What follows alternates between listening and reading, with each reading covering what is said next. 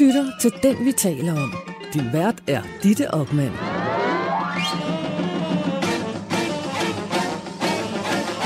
Velkommen til Den, vi taler om, Danmarks lille portrætmagasin. Velkommen til BT, hvor vi i dag står i et uh, lidt nyt studie, og um, gudskelov er jeg ikke alene, som jeg næsten var, da vi talte om Lars Finsen. I denne her uge, der har jeg uh, inviteret Emil Rotbøl fra Berlingske. Du er Ruslands korrespondent. Ja. Og uh, Flemming Splidsbol, seniorforsker, Dansk Institut for Internationale Studier.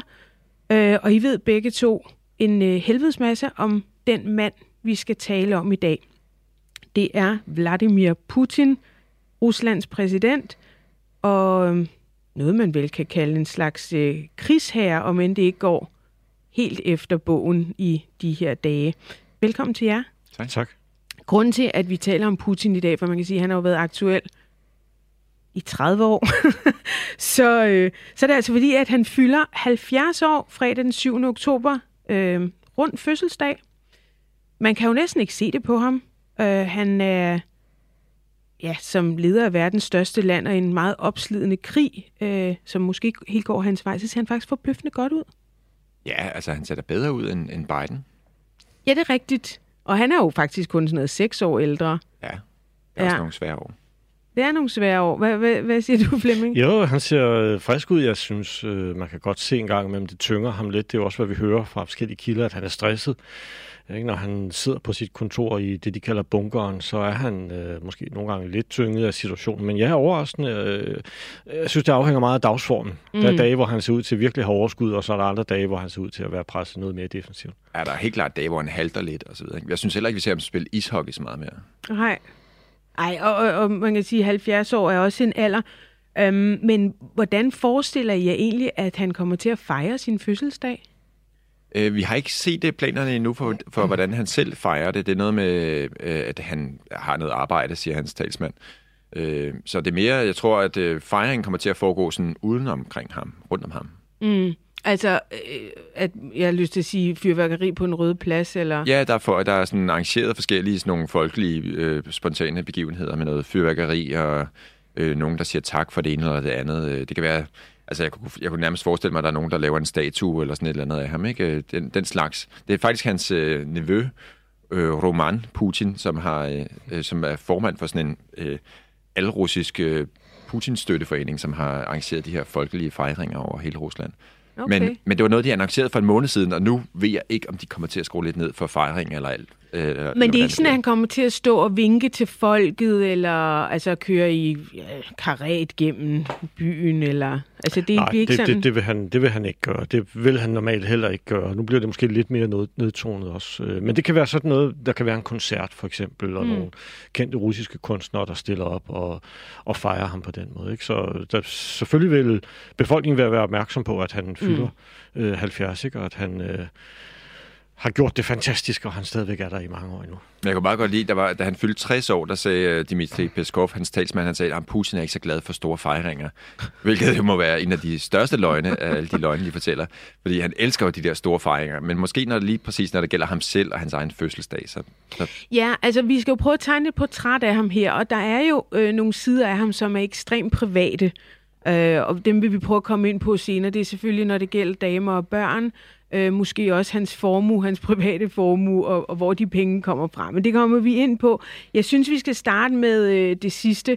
Øh, det går ikke så godt, i hvert fald i de her øh, dage. Øh, invasionen af Ukraine har taget en lidt anden drejning, og jeg, jeg kan godt tænke mig at starte med at spørge hvad det egentlig er, der driver ham. Hvorfor er denne her krig, hvorfor er det så vigtigt for ham at, øh, at invadere Ukraine? Ja, der er jo givetvis noget øh, ideologisk. Øh, Putin er meget glad for Sovjetunionen, øh, og Sovjetunionen brød jo sammen i 1991, og det han keder ked af, det lægger han ikke skjult på. Han er glad for Sovjetunionen, og han vil nok gerne i nogle af sine allerinderste drømme genetablere dele af Sovjetunionen, og det kan vi jo tale om senere med hans opvækst og alt muligt. Ikke? Men altså, han er rundet af Sovjetunionen og er glad for det. Øhm, og der er givetvis noget der, øh, som, som som nærer ham. Ikke? Altså de her, vi talte nogle gange om de her fantomsmerter, at russerne har mistet dele af deres territorium, og det vil de gerne have tilbage, og sådan tror jeg også, han har det. Og så er der noget politisk. Han tænkte måske, det, at det var populært. Øh, en måde, at øh, man kunne ligesom hæve det Rusland på. Ikke? At vi, det er vores territorium, vi gør det. Vi går ud og forandrer verden, hvis det er det, vi har lyst til. Vi har ret til det. Øh, så noget politisk, som, som han troede ville blev godt modtaget i befolkningen, og det blev det jo også måske indledningsvis, og så siden er det jo blevet meget værre. Altså, så vidt jeg husker, så solgte han den også lidt som om, han var øh, altså, en eller anden form for redningsmand. Han ville afnazificere øh, Ukraine. Han ville redde det ukrainske folk for massemord, og der er jo ikke rigtig nogen af os, i hvert fald den her del af verden, som øh, har kunnet dokumentere nogle massemor i den. Altså, men han lød lidt som om, at han sådan en kæmpe frelser, der kom ind. Ja, men jeg tror også, at han er drevet af sådan en form for historiske storhedsvandvid, hvor han ser det som sin rolle i verdenshistorien og øh, rette op på nogle af de her øh, fejl, der er sket, især med Sovjetunionens sammenbrud, hvor et øh, Gorbachev øh, ligesom gav alt for meget væk, øh, uden at få forsikringer fra, fra Vesten om, at NATO ikke vil rykke tættere på den. Så han ser det som sin historiske opgave at rette op på de her fejl. Ikke? Øh, der tror jeg helt klart også, at han er, han er drevet af sådan noget øh, sådan selvbillede af, hvor, hvordan vil hans eftermæle være, hvad han, øh, hvordan vil han ligesom blive husket i, i historiebøgerne. Han bliver beskrevet som øh, øh, enrådig, uterrenelig, isoleret. Øhm, kan man tale lidt om, hvilken krigsleder det gør ham til? Er, er han i virkeligheden sådan lidt typisk? Han er jo i hvert fald typisk for sin kategori. Øh, det må jeg sige, det er jo de der øh, magtfuldkommende øh, autoritære ledere, ikke, som træffer beslutninger. I stigende grad er han jo også begyndt at træffe beslutninger om, hvad der skal ske militært. Altså går jo ind og giver ordre. Ikke? Og, mm. øh, uterrenelig, isoleret helt sikkert, øh, i stigende grad isoleret øh, på grund af corona først, hvor han jo sad meget isoleret, og nu på grund af krigen, hvor han også har trukket sig fra nogle af sine tidligere rådgiver, eller skubbet dem væk. Øh, utilregnelig ved jeg ikke. Han vil gerne have, at vi tror, at han er utilregnelig. Han vil gerne virke utilregnelig. Der er sikkert et mønster i det, hvis man går ned og kigger. Ikke? Men, men noget af det, der ligger i det, det er, at han vil gerne være usikker på, øh, han vil gerne have, at vi er usikre på, hvad hans næste skridt er. Og det er noget, der kendetegner ham, og som gør det svært også at arbejde med ham selvfølgelig og forsøge, at, ligesom Emilie og jeg gør, at skrive om, hvad er det, hvad er det der kommer til at ske. Øh, ja. Og der, der skal vi jo selvfølgelig også tale om det her med, at han godt kan lide at eskalere, ikke? og det er jo i hvert fald et, et mønster, vi kan se i den måde, han agerer på. Ja, fordi han, han har jo vist igen og igen, at han er vi, er villig til at gå længere, end i hvert fald nogle af os her i Vesten havde forestillet os. Og, og man kunne også høre sådan, inden invasionen af Ukraine, der var der var der mange eksperter, der sad sådan, nej, nej, nej, det kommer ikke til at ske. Og, og, og om det var utilregneligt eller ej, altså hvis man havde hørt efter, hvad han sagde, så var det måske ikke utilregneligt, så havde han jo sagt det. Nej, men det, der var problemet, det er, at altså, jeg ser ham heller ikke som irrationel eller utilregnelig. Jeg tror sådan set, at han er drevet, meget drevet af, af sådan, øh, de ting, som han tror kommer ham selv til gode. Problemet er, at hans eget virkelighedsbillede er så fjern fra vores virkelighedsbillede, så det, han ser som en fornuftig øh, øh, løsning på et eller andet. Det virker fuldstændig ulogisk på os. Som for eksempel krigen. Altså, det var jo også i Rusland, det var ikke kun i Vesten. Jeg havde lige været derovre og snakket med alle mulige kloge hoveder om, om det der, ikke? Og jeg kom hjem og sagde, ej, jeg kan simpelthen ikke skrive mere om, at, at russerne kommer, fordi de tror ikke selv på det øh, derovre, ikke? Så det kom jo også som ja. en komplet overraskelse for langt de fleste i Moskva. Men øhm, han, er jo vist, han har jo vist, at han er villig til at gå længere og længere. Det er ikke, øh, vil sige, at han har før... Øh, jeg vil sige, man annekteret Krimhaløen. Uh-huh. Øhm, Georgien blev bombet, Syrien øhm, støttet Assad. Øh, og nu øh, taler vi om, at det her det kan ligesom sprede sig til øh, resten af Østeuropa, og hvor, hvor, hvor, langt, hvor langt kan vi gætte på, hvor, hvor, hvor langt han er villig til at gå? Ja, altså, jeg tror, han er villig til at gå meget langt, men vi kan jo rent sådan praktisk se begrænsningerne for hans magt, hvad han er i stand til at gøre. Ikke? Øh, altså, om, om de har soldater nok øh, helt konkret til at sende dem øh, videre mm. ind i mhm. Østeuropa. Det har de jo ikke. Altså, der kan vi jo se, hvor hans begrænsning er. Ikke? Så er der de der atomvåben, men det er jo en anden snak. Ja, ja skal vi bare tage dem med det samme? Ja, altså, de er der, ikke? ja, de er der. Øh, altså, kunne han være vild nok til at skulle øh, altså starte, jeg har lyst til at sige, i det små, men ligesom skulle sætte et eksempel eller, eller bulre? Altså, jeg synes, vi kan ikke udelukke det. Det er ansvarligt at, øh, at tale om det og, og forberede os på det. Og nu nævner du det jo selv. Altså, ligesom at, at gøre et eller andet bulre og sådan, ikke? Og der ved vi jo, at det ligger i den russiske tænkning om, at man bruger atomvåben, at man simpelthen kunne, lad os sige, smide en lille atomvåben ud over stillhed for at sige, prøv at nu er vi klar, ikke? Altså, mm. nu skal I virkelig tage os alvorligt og passe på, fordi det er beskrevet. Øh, vi regner jo stadigvæk med, at han at han stopper inden der, ikke? Og som, som Emil siger, han er jo rationel, han forstår jo, selvom han er i en anden verdensopfattelse, så forstår han jo godt, hvad atomkrig betyder. Øh, Øh, og han forstår også, hvad det betyder, at amerikanerne svarer igen med atomvåben. Øh, så vi regner jo med, at han stopper inden da, men, men noget af det, der er interessant også med det her verdensbillede, det er jo, at han tror jo, han, og det har han nok også haft ret i, men han kender os meget bedre, end vi kender ham. Så han har en meget bedre forståelse af os, og han ser os som meget svage, at vi kan let sådan blive skubbet rundt med. Ikke? Hvis man truer os lidt, så giver vi efter. Mm. Og, øh, hvis der sker noget hurtigt, og sådan, så kan vi, vi kan ikke blive enige om ting. Ikke? Og det, det er jo også noget at gøre med krigen, ikke? hvor han måske ikke troede, at de her sanktioner ville komme. Øh, og det er lidt det samme med atomvåben. Hvis han truer med atomvåben, så bliver vi til sidst så bange, at vi giver ham det, hvad han vil have. Og, og det er jo muligt, at han også misforstår det, ikke? fordi amerikanerne har jo allerede sagt, på at høre, hvis der kommer atomvåben, så svarer vi igen. Så, så bare så du ved det. Men rent logisk er det svært at se, hvad han skulle få ud af at bruge selv en lille atombombe, eller en taktisk atombombe, som nogen taler om. Ja. Altså, hvis man følger den der rationelle tankegang, så, så ser det ikke ud som om, at det faktisk vil komme ham til gavn lige nu. Men er det ikke lidt problemet, at vi har en rationel tankegang? Altså, vi, vi kan ikke, i vores del af verden ville det jo være fuldstændig bims at gøre, mm. og derfor så tænker man, ah, selvfølgelig gør han ikke det, fordi det er jo, det er jo så langt ude. Men man kan sige, der er jo allerede sket ting, der er så langt ude, at det er ude for vores diplomatiske fatteevne. Ja, det er det, der er problemet, ikke? Altså, med virkelighedsopfattelsen er måske ikke helt den, den samme. Der er nogen, der beskriver, at han er nådesløs og samarbejdende på samme tid. Nu sagde du, Flemming, det der med, at vi kender ham måske ikke helt lige så godt, som vi kender ham.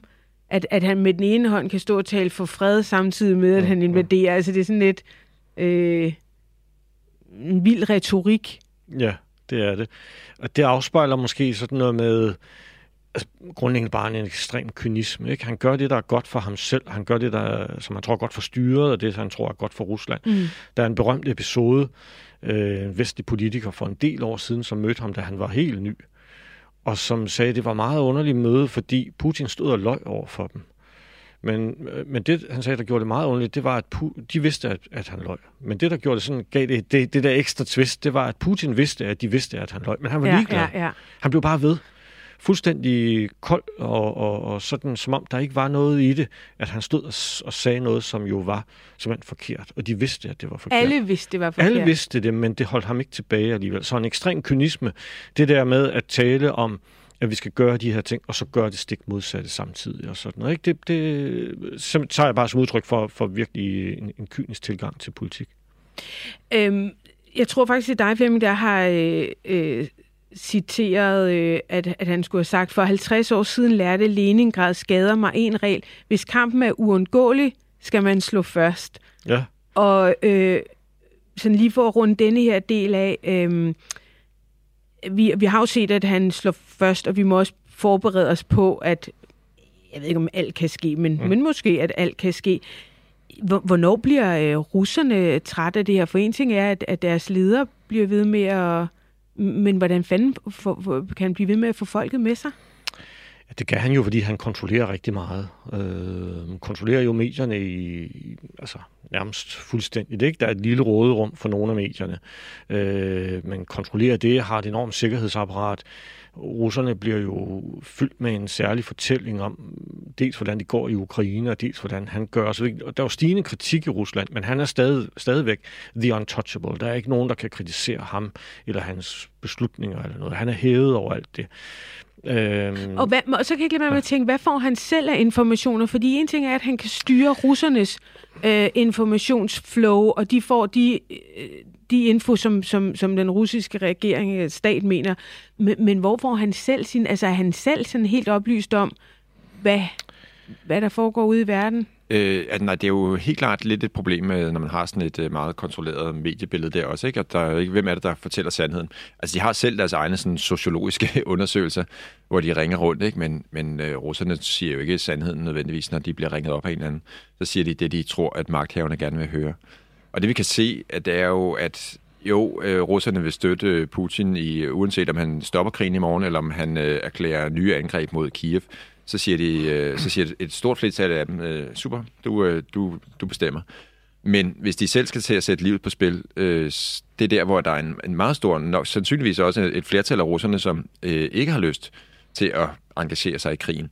Det er fint nok, hvis de bare skal svare ja på en meningsmåling, men øh, mm. hvis de selv ligesom skal til at betale med, med blod eller deres øh, families blod, så, så er det ikke interesseret. Ja, så tænker jeg også, øh, vi kommer også til at tale om alle de her mennesker, der er forsvundet fra jordens overflade, men, men, men, men hvis man alliere sig med folk tæt på, som måske er bange for en, så kan det vel også være svært at få de, eller, eller hvis man har rygklapper omkring sig, eller, altså kan, kan han være sikker på, at, at han, har, han får den bedste rådgivning? Øh, nej, men det er jo gået meget godt i 22 år indtil nu, ja. med rygklapper. Ja. ja, det kan man sige.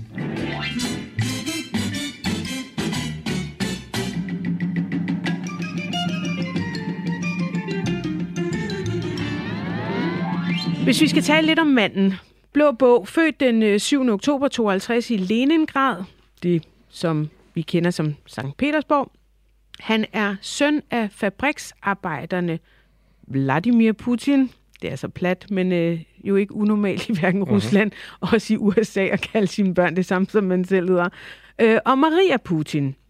Og han vokser op i sådan en lidt, øh, det lyder som sådan lidt, øh, jeg ved ikke om brutalt, men sådan det er fattigt, og man klarer sig selv, og der er nogle slåskampe. Han bor alene med sine forældre i en 20 kvadratmeter stor lejlighed, femte sals delelejlighed i en baggård i Leningrad, øhm, som på det tidspunkt er sådan en pænt smadret by. Øhm, han har egentlig to ældre brødre, men de er begge to døde. Den ene øh, døde som spæd, før øh, krigen brød og den anden døde på et børnehjem, under nazisternes øh, belejring. Og øh, altså, de har været sådan helt på sultegrænsen, som jeg forstår det. Det har været meget, meget fattigt, det er der ingen tvivl om. Mm. Sovjetunionen øh, i årene lige efter krigen, og med det styre, der var, og den del af sådan arbejderkvarter i øh, Leningrad, det har været meget, meget fattigt. Han bliver beskrevet som øh, lidt af en slagsbror, som øh, ikke er bange for de større drenge i øh, gården, og han øh, bliver også beskrevet som øh, doven og uvåren, som det bliver beskrevet, og at øh, der er en af hans barndomsvenner, som fortæller, at han var sådan rimelig øh, frygtløs over for større drenge eller voksne mænd. Øh, jeg kan lige læse op. Hvis nogen fornærmede ham på den ene eller den anden måde, kastede, ja, han bliver så kaldt, kaldt Volodja. Mm-hmm. Er det rigtigt udtalt? Tak skal I have. Øh, så kastede Volodja sig øjeblikkeligt over fyren, krassede og bed ham at rive store totter øh, af hans hår. Hvad som helst for at undgå, at nogen ydmygede ham. Og det kommer fra den bog, der hedder First Person, som er en, uh-huh. øh, en portrætbog af Putin, da han bliver præsident. Øh, det der med ydmygede ham, jeg tænker I ikke også sådan lidt, at det er noget, der går igen? At der er ikke nogen, der skal ydmyge Vladimir Putin? Jo, helt klart.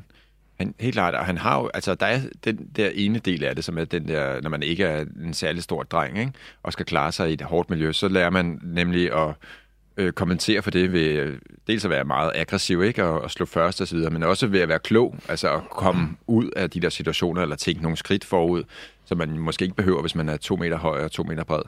Så, så kan man klare det hele med sin fysik, men som lille, så bliver man nødt til ligesom at, øh, at lære at omgås øh, det hårde miljø på en anden måde. Jeg googlede jo, hvor høj han er. Han er 1,67. Ja. Så som voksen er han faktisk også en lidt lille mand. Ja. Og det andet, det der med respekt, det går virkelig også igen, eller det med ydmygelse. Altså, han har, hvis der er noget, han ligesom har insisteret på konsekvent øh, gennem hele, hele sin præsidentkarriere, så er det jo det her respekt, ikke? At omverdenen skal respektere ham, og de skal respektere Rusland især, ikke? Mm. Og især vil de gerne have USA's respekt, og USA, som er den her storebror, som de, øh, på en gang øh, hader, men også ser op til. Ikke? Altså næsten alt, hvad der, hvad der foregår i Rusland, det refererer de lidt til, når i USA, der gør de også sådan, og i USA sådan og sådan, og USA smider også en atombombe, og hvad ved jeg, ikke? Altså, hvad, næsten alt, hvad de gør, det kan det retfærdiggøre med et eller andet, USA har gjort på et tidspunkt, ikke? Ja. Øhm, det, det bliver også beskrevet, at omkring 6. klasse, så øh, sker der en ændring, og det er dels, at øh, han begynder at gå til judo, og det er jo sådan en øh, kampsport, han faktisk har dyrket altid.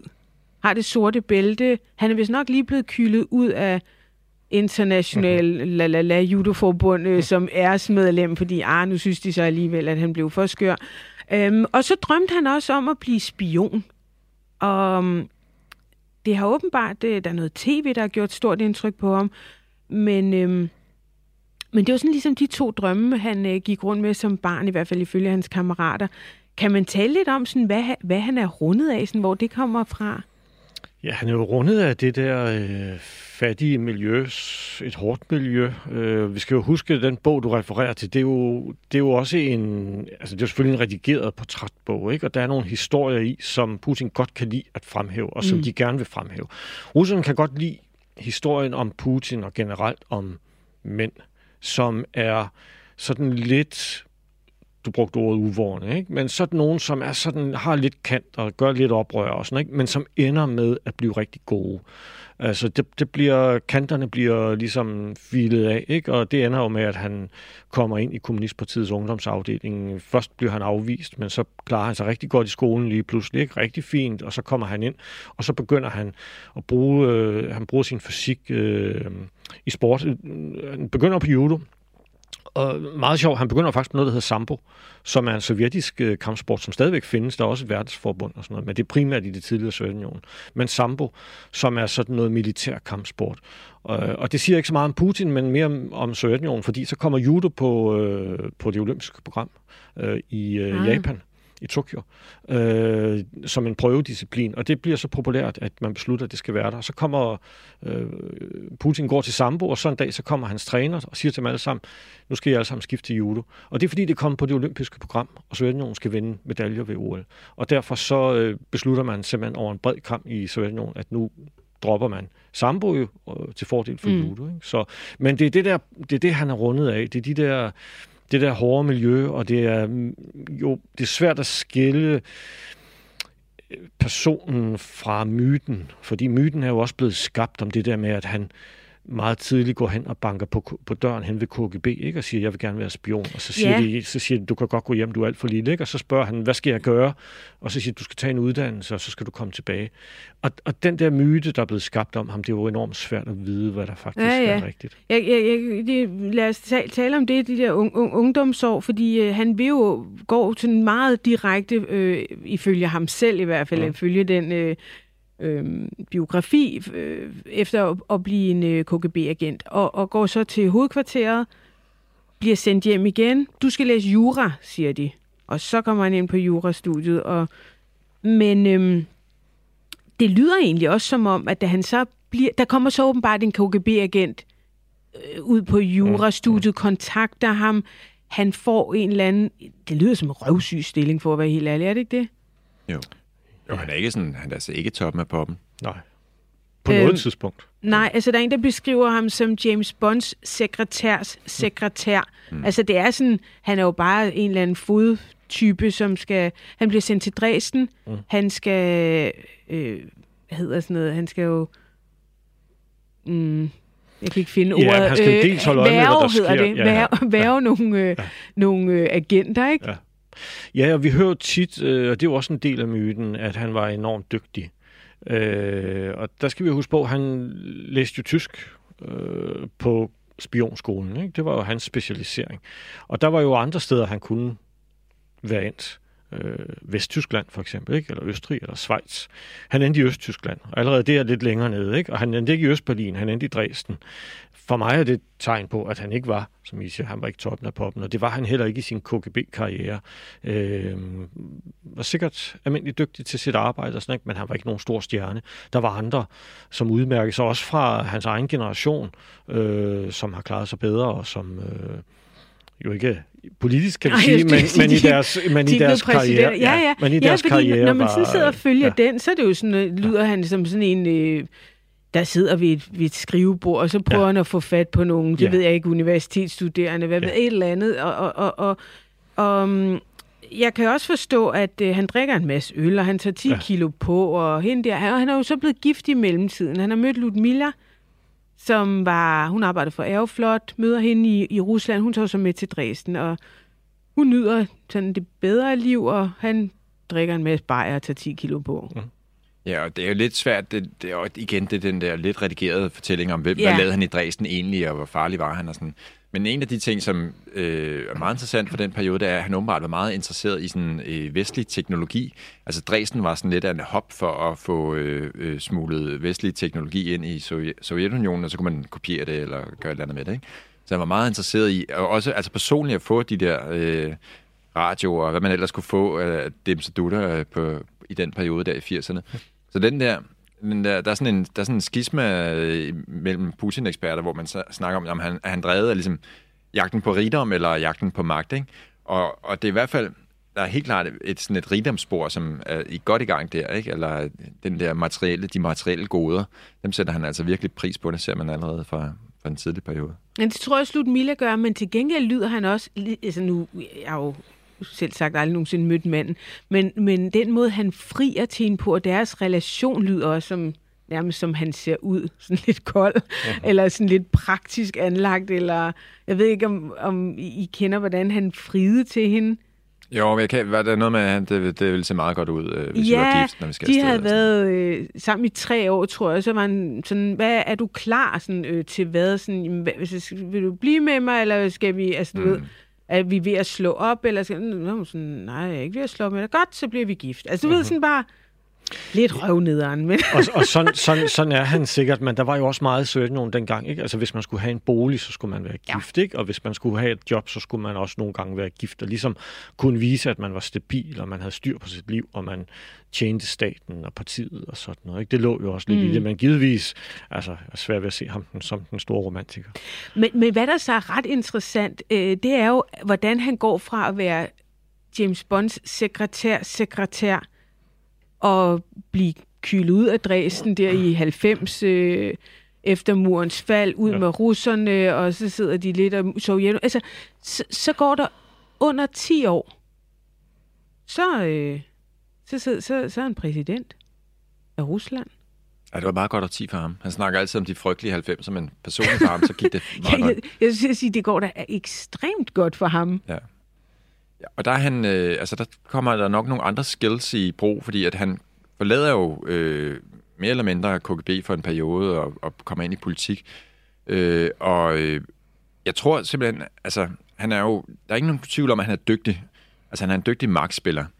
Øh, og jeg tror også, der, der ligesom bliver sat pris på hans sådan, øh, teknokratiske øh, formåen. Ikke? Altså, han faktisk er en, af, der gør sit arbejde, og, øh, og måske også er villig til at øh, øh, gøre det, der skal til i forhold til, vi ved, øh, der kommer flere og flere historier om, øh, hvad, hvad var det, ligesom hans samarbejde med øh, mafia-relationer i St. Petersborg, hvor han, øh, som, som, det, som Leningrad hedder, når efter Sovjetunionen sammenbrud. Øh, og, og der er, altså, der er nogle relationer der, som, som som helt klart kommer ham til gavn, og også har gjort det senere, ikke? Altså, hvor, han, hvor han viser, okay, jeg er klar til at lave nogle aftaler her, for dels for at få tingene til at fungere, men også for ligesom selv at komme frem i verden. Ja, for der må være, han må være god til at spille nogle kort. Altså, fordi der er jo andre mennesker, der har været dygtigere i systemet øh, end ham, eller har været højere rangerende. Ja, altså, det er det der med at, at have været Ja. en, en eller anden skrivebordstype i Dresden Det, til det, at... det, må han jo, det må vi jo bare erkende, ikke? Altså, der må være noget med nogle people skills på en eller anden måde. Altså, jeg tror ikke, at han er... Han er jo ikke social på den måde. Han er ikke en, som nødvendigvis er god til at skabe noget omkring sig, men han er nok god til at spille kortene og forstå de der magtspil og så videre. Og så, så tror jeg, vi skal være opmærksom på, jo altså huske på, hvis, hvis ikke han har haft sin KGB-baggrund, så var han jo endt et helt andet sted. Altså det var jo meget, der så nogen brød sammen. KGB havde jo et netværk Øh, de kendte hinanden, de var lojale over for hinanden. Det var stadigvæk ligesom sådan et rygmærke, ikke? Altså et usynligt rygmærke. Men det var ligesom, de havde arbejdet det samme sted. Og så havde de jo adgang til en masse ting. KGB var jo også super korrupt i sovjetperioden, ikke? Og de tjente en masse sorte penge og kunne afpresse og kunne gøre forskellige ting. Og det kunne han ligesom føre videre i 90'erne.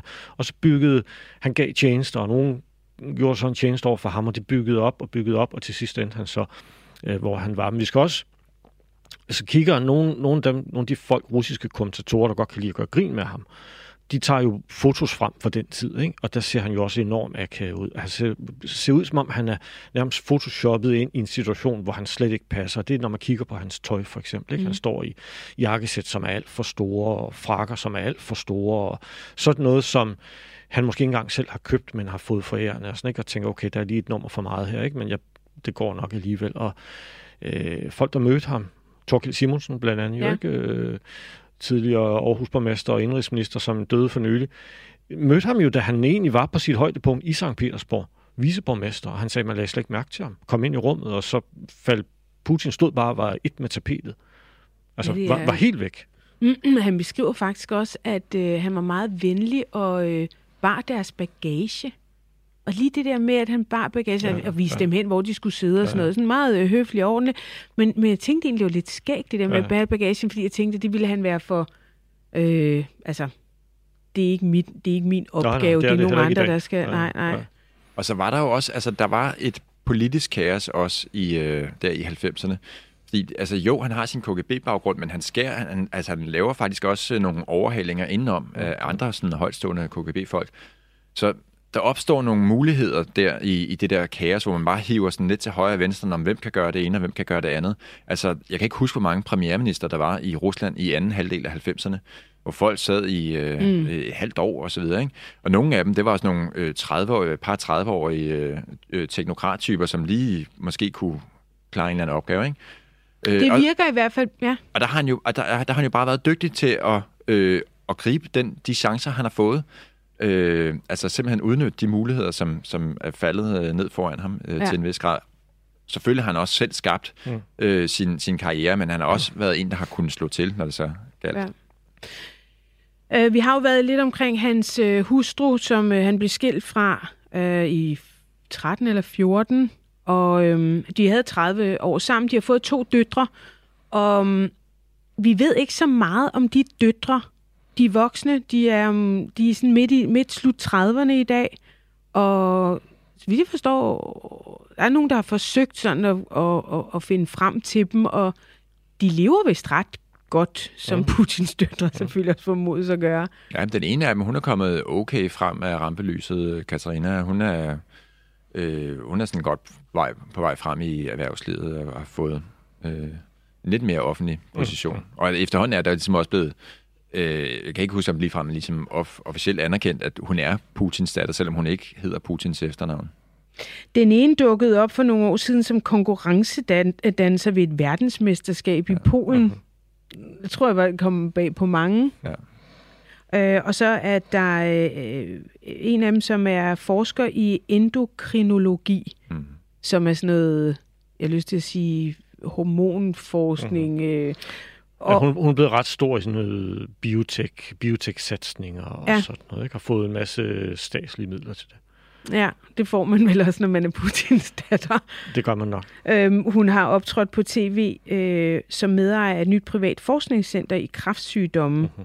Og ja, altså de er begge to sådan ret godt øh, ved muffen, kan man vist roligt sige. Men øh, der er jo også en masse rygter om en masse andre børn, fordi der er rygter om en masse andre damer, som ja. den ene er en tidligere olympisk øh, atlet. Ja, der er hende, øh, som man mener, han er sammen med nu, øh, Alina Kabaeva, som øh, som ja, som øh, der er nogle der er nogle skønne billeder, som bliver hævet frem igen og igen, hvor han Putin står og ser sådan lysten på hende efter hun har vundet øh, OL-guld eller sådan noget, ikke? I, i uh, bronze, tror jeg det var. var det bronze? Men, ja, ja. Nå, okay. øh, men øh, de skulle være sammen, og hun skulle have fået et par af hans børn. Men altså, hvis man tror alle rygterne, så tror jeg, de har 10 børn sammen eller sådan noget, ikke? Det tror jeg dog ikke. Ja, de skulle have fået tvillinger flere gange. Ja, præcis.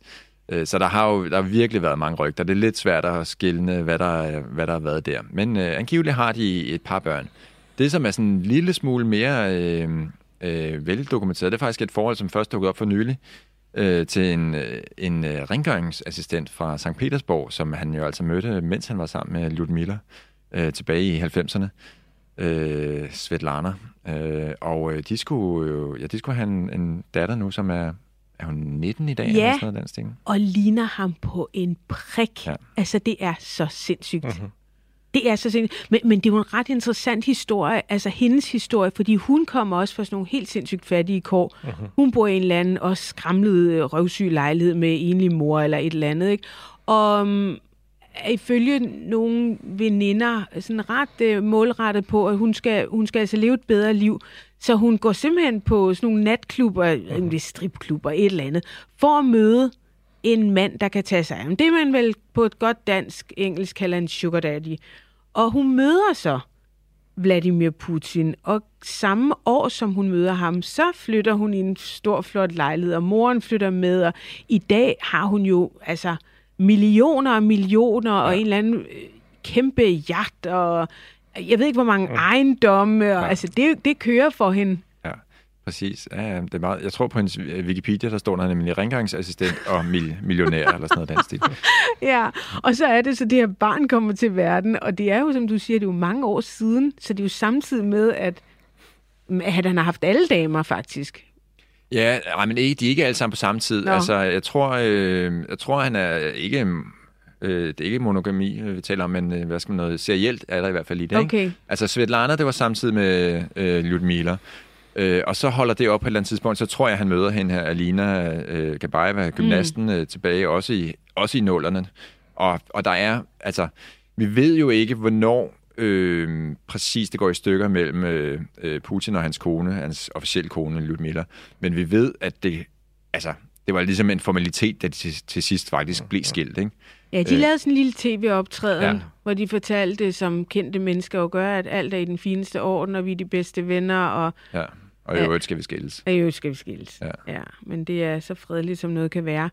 Øh, og hun lever dog endnu, trods alt, så Hun er jo blevet gift. Ja, ja. Ja, hun Er har hun fundet det? en 20 år yngre mand, hold da op. øh, og har masser af penge selvfølgelig. Ikke? Så, men, men, men den der seance var jo meget sjov, hvor de annoncerer, at de skal skilles. Ikke? De sidder så nærmest i matchende base set på en base sofa og falder sådan helt ind, ikke? og det ser alle, der så det, tænkte, okay, det er på tide, I bliver skilt, ikke? for det Ja. ser rigtig, det ser trist ud, det der. Ja. Og, og de sad sådan øh, væk fra hinanden i sofaen nærmest, ikke? Men, øh, men de gik jo offentligt med det i hvert fald, ikke? Og det, det var jo nyt. Hvorfor er det, at han ikke øh, står ved for eksempel hende, hende øh, hvis vi skal tale om den olympiske øh, gymnast, hun bor i Schweiz nu. Det er Angi- Angiveligt. angiveligt.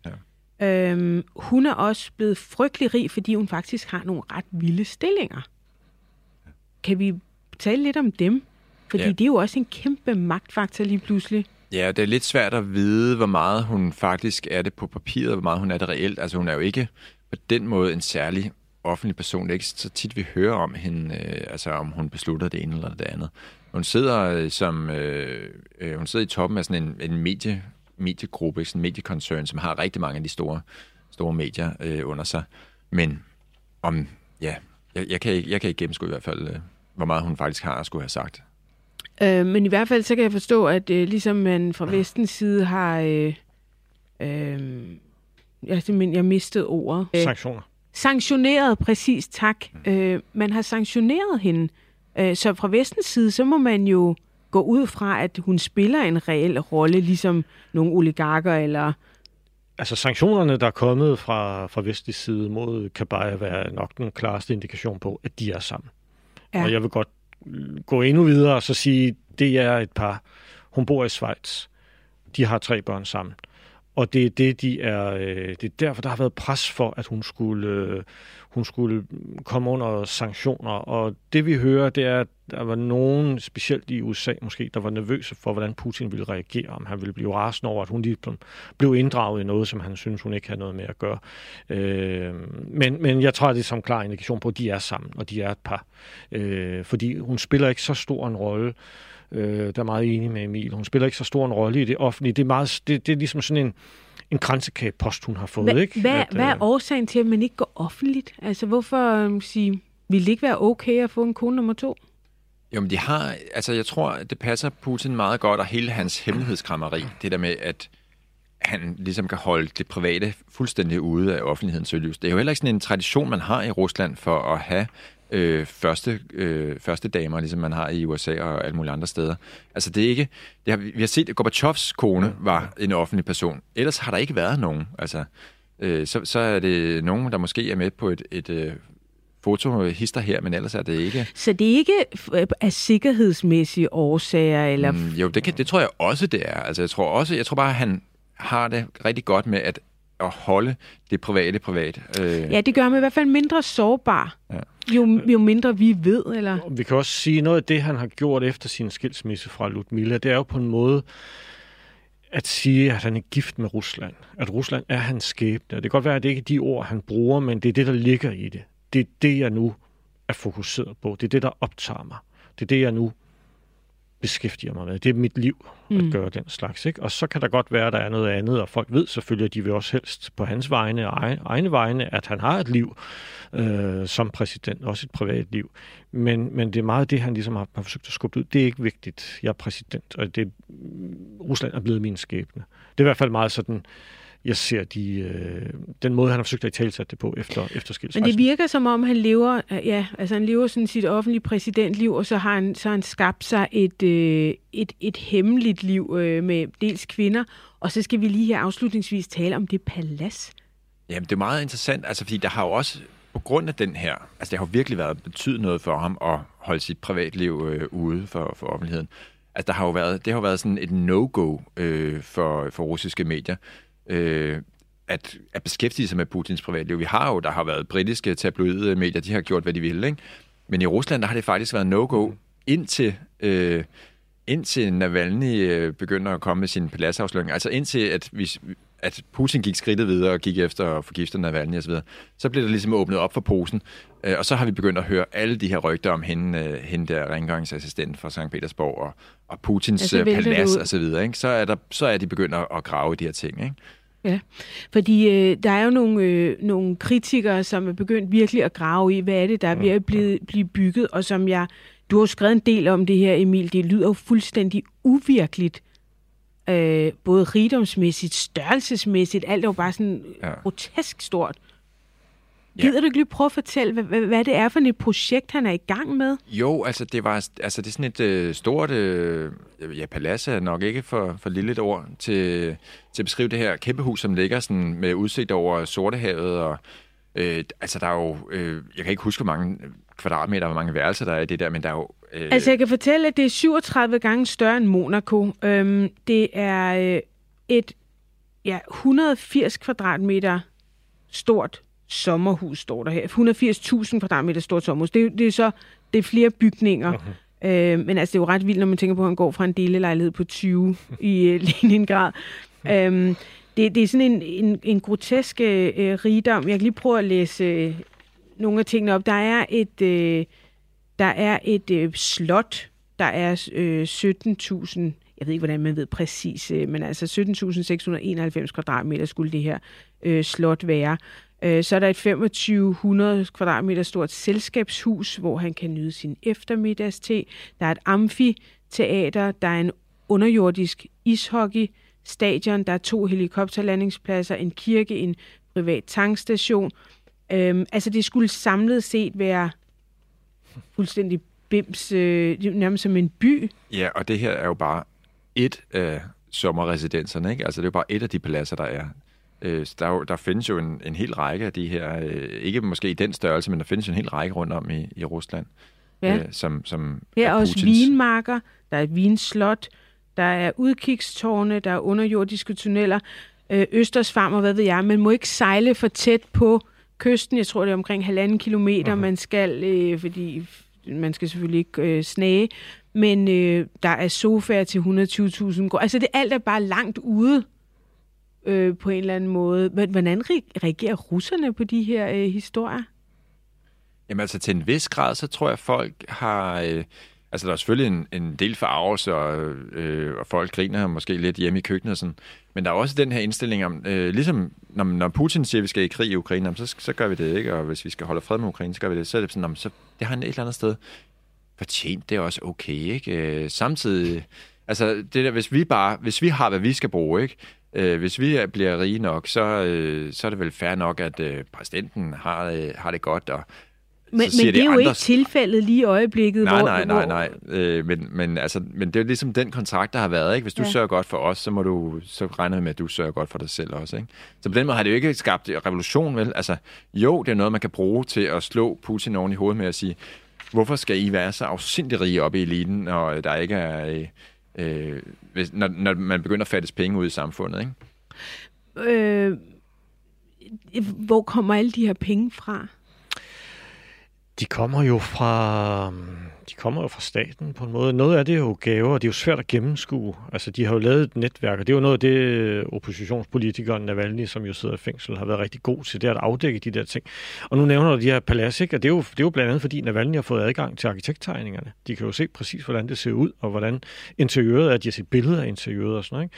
Alle de folk, der arbejdede med at opbygge øh, paladset, de skulle aflevere deres mobiltelefoner, inden de gik ind. Men nogle af dem har alligevel smuglet en med ind, og har taget fotos af det, så derfor ved vi også, om, hvordan det ser ud Sten er jo så altså også blevet en lille smule forarvet over, ja. øh, kan, kan man tillade sig det ja, her, og ja, ja, hvad, hvad fanden ja, er der foregår, ja, ikke? Ja. Men det kommer fra, det, noget af det kommer fra venner, som har penge, eller som Putin har gjort velhavende, altså noget af det kommer jo bare fra staten, altså.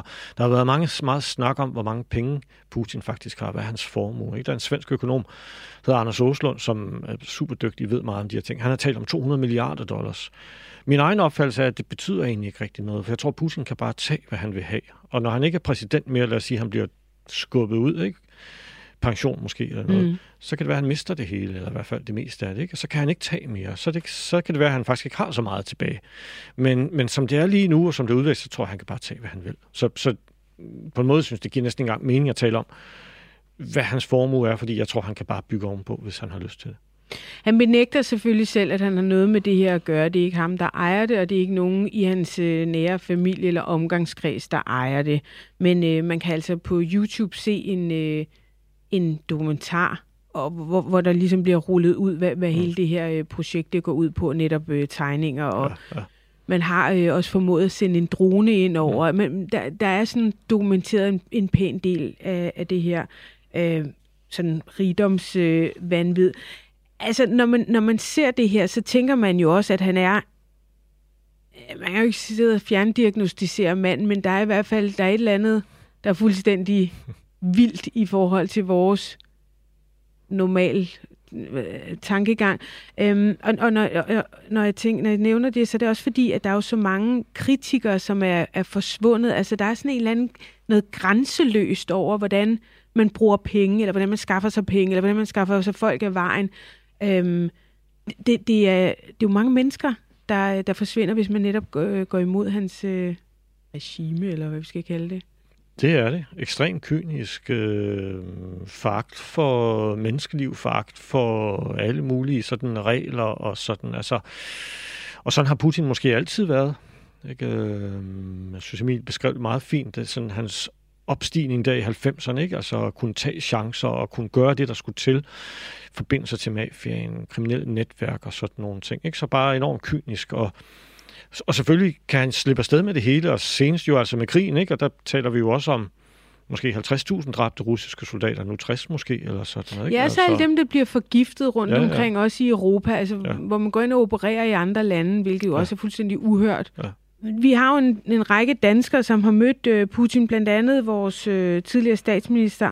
Øh, jeg kan godt tænke mig lige at spille et klip fra øh, dengang, han møder ham første gang i København. Han var på besøg i, øh, i København. Det var på mange måder et fantastisk besøg. Det var jo en periode, hvor vi troede, at vi skulle udbygge relationerne med, med Rusland. Vi havde toppen af dansk erhvervsliv samlet. Øh, vi havde øh, middag i dronning Alexandrine-sagen. Vi havde Putin hos... Øh, hos dronningen, og, og så opstod så det her øh, improviserede Tivoli-besøg, øh, som, øh, som trak ud, altså til efter Tivolis øh, lukketid, ikke? og som jeg husker som egentlig en ekstraordinær begivenhed, fordi der sad ham og mig og, og, og, og to tolke Øh, og når det virkelig fungerer, så er det som at være i en dynamisk samtale. Vi snakkede sammen i ja, mere end to timer, ikke? og han fortalte om hans tid i, i KGB i Østtyskland, hvor han elskede at tage til København i weekenderne og besøge Tivoli og den slags ting. Altså, det var meget, det var meget lige ud af landevejen. Ikke?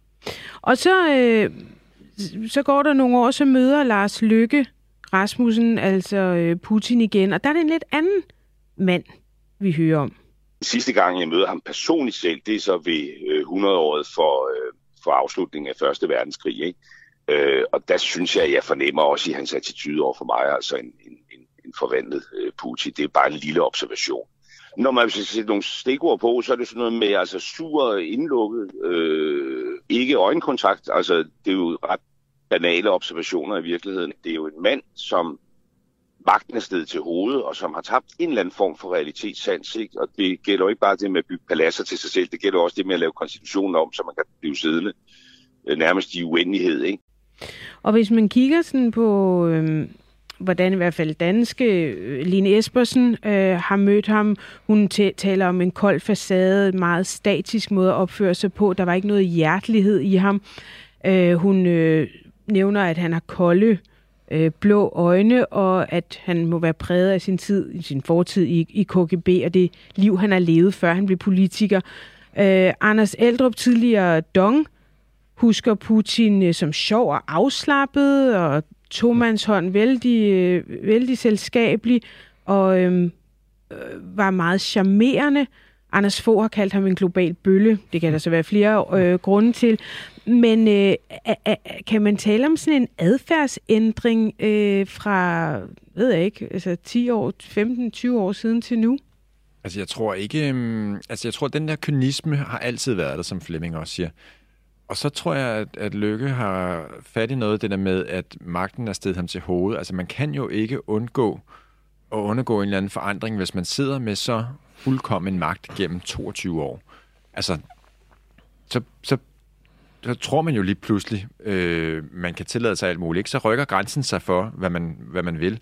Og det er jo også det, vi har set, hvad, hvad det er, han faktisk er villig til at gøre i forhold til sine politiske modstandere, i forhold til forfatningen og i forhold til Ukraine og alt muligt. Der er grænsen jo unægteligt blevet rykket over de sidste, øh, især over de sidste 10 år. Øh, og ja, på den måde er Putin jo også forandret. Ikke? Og jeg vil også sige, det her, jo, rigdom har jo helt klart været et spor, som har fyldt meget i hans liv. At det der med at berige sig selv og, og have den der materielle, de der materielle goder i en grad, som man ikke engang kan nå at nyde dem. Altså, der virker det næsten manisk, ikke?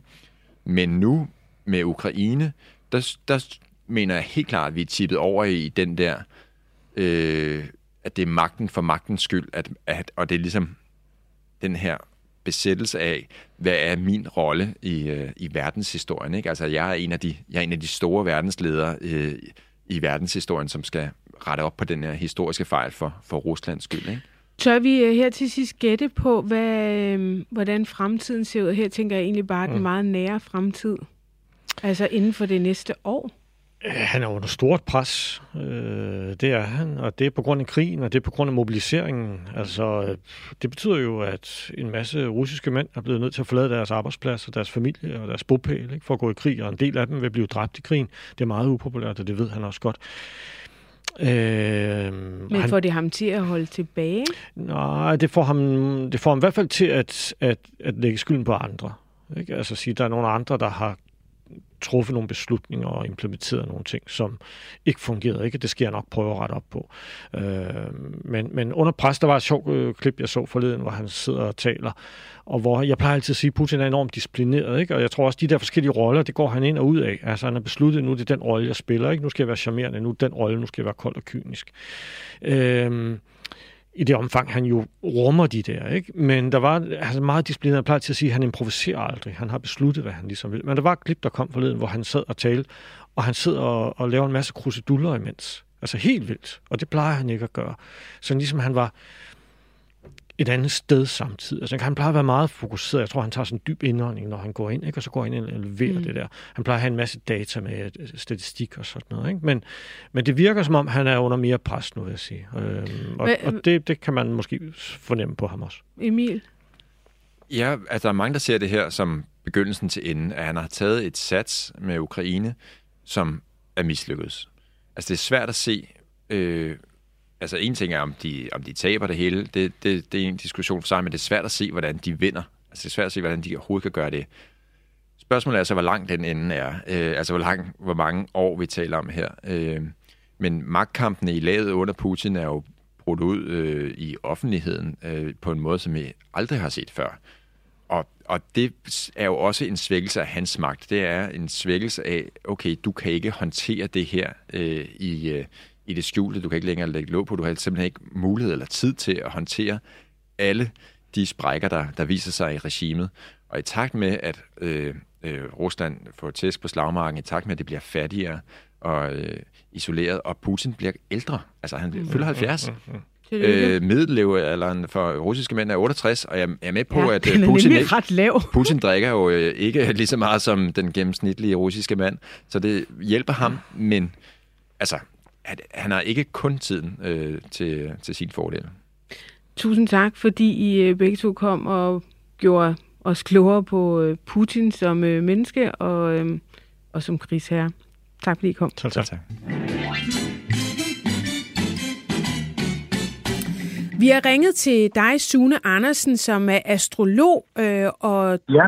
det er du... Øh, ja, du har en hjemmeside, der hedder lysetskilde.dk. Og vi har kontaktet dig, fordi øh, du ved en helvedes masse om øh, horoskoper, og du faktisk også har øh, lagt Putins horoskop. Ja. Han er født den 7. oktober 1952, og han er født i Leningrad. Og så vidt jeg kan Ja. se på det horoskop, du har sendt os, så er han født klokken 09.30 om morgenen. Hvem Ja. er Putin ud fra hans personlige horoskop?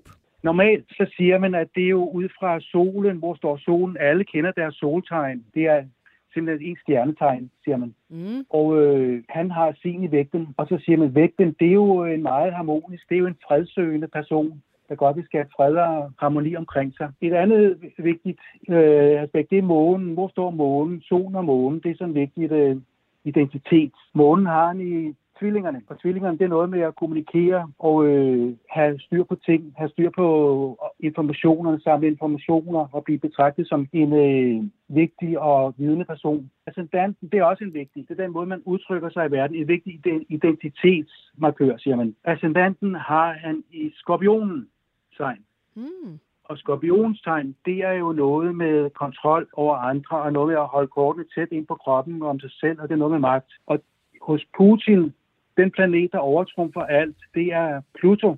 Og Pluto, den står for magt, indflydelse, og det er hans vigtigste planet, fordi den står sammen med en af akserne, den står med Okay. MC-aksen. Så man kan godt konkludere, at han er, øh, at selvom han er vægten og måske øh, er stjernetegn, øh, er, øh, Vægt, går ja. efter balance Ja. og smukke Ja, ting rigtigt, ja. og sådan noget, så, øh, så, Ja. så trumfer Pluto på den måde, at han er et øh, af natur et magtmenneske. Magtmenneske. Mm. Ja, ja, det er rigtigt, ja. Kan man sige Ja. noget om, altså nu har jeg engang fået lagt sådan et årshoroskop, og så kan man sige sådan, Nå, men din januar måned, der vil der være meget sjov og spas, og i marts måned, der, der kommer der nogle økonomiske udfordringer. Der kan være sådan lidt, men kan man sige noget om, hvor store problemer han kommer i det næste år, eller hvor kæmpe stor succes han får, og, og måske sådan kode det lidt over på situationen i Ukraine?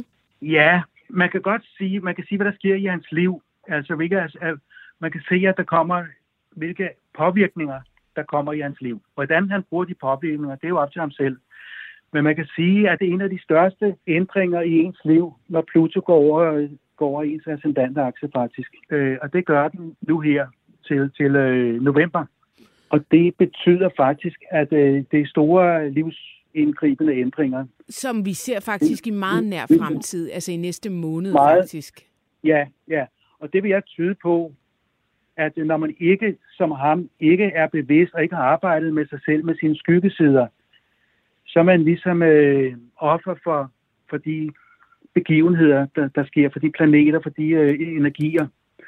Derfor tror jeg, at, at øh, der vil ske kæmpe store livsændringer for ham, et helt nyt livsperspektiv og flytning måske. Og jeg forestiller mig selv, at han kunne blive flyttet til en celle i Haag som krigsforbryder. Det kunne man godt forestille sig. Det er min egen fantasi. Det er jo store ændringer her, vi taler om. Ja. Så det kunne godt være, det, at, øh, og vi ved ikke, hvordan de slår igennem hos ham. Og det fordelen er, ved, at man, hvis man går hos en astrolog og får at vide, at der kommer sådan nogle store livsændringer, så kan man tage højde for dem og begynde at forberede sig og begynde at lave nogle planer for, hvilke livsændringer man godt vil have, der skulle ske i ens liv. Men når man ikke er bevidst om det, så sker det bare. Mm. Jeg tror, der sker noget øh, her i øh, resten af året. Voldsomt her. Jeg tror, det, November og december, der sker noget voldsomt livsændrende for Putin, og noget, Ja. hvor han vil blive flyttet. ja, så det er omkring øh, Nå, årsskiftet det er her. spændende. Prøv lige at høre, Sune, det kommer vi jo til at tale øh, videre om igen, kan jeg mærke. Så må vi lige se, hvad fanden skete der egentlig det sidste halve år for Putin? Hvad var den Ja. der livsændrende ting, der skete for ham, og, øh, og blev han flyttet? Fik, skete der noget også sådan fysisk nyt hjem, nyt øh, et eller andet, hvad det kan være? Ja, for det er jo klart, hvis han bliver væltet, så ryger det hele for ham jo. Mm. Vi, øh, vi vender tilbage til dig, Sune Andersen, lysets-kilde.dk. Vi tales ved øh, igen i foråret, og så øh, må vi se, hvor Europa står, hvor Rusland står, hvor Ukraine står. Tusind Jo, tak, fordi tak. du vil være med.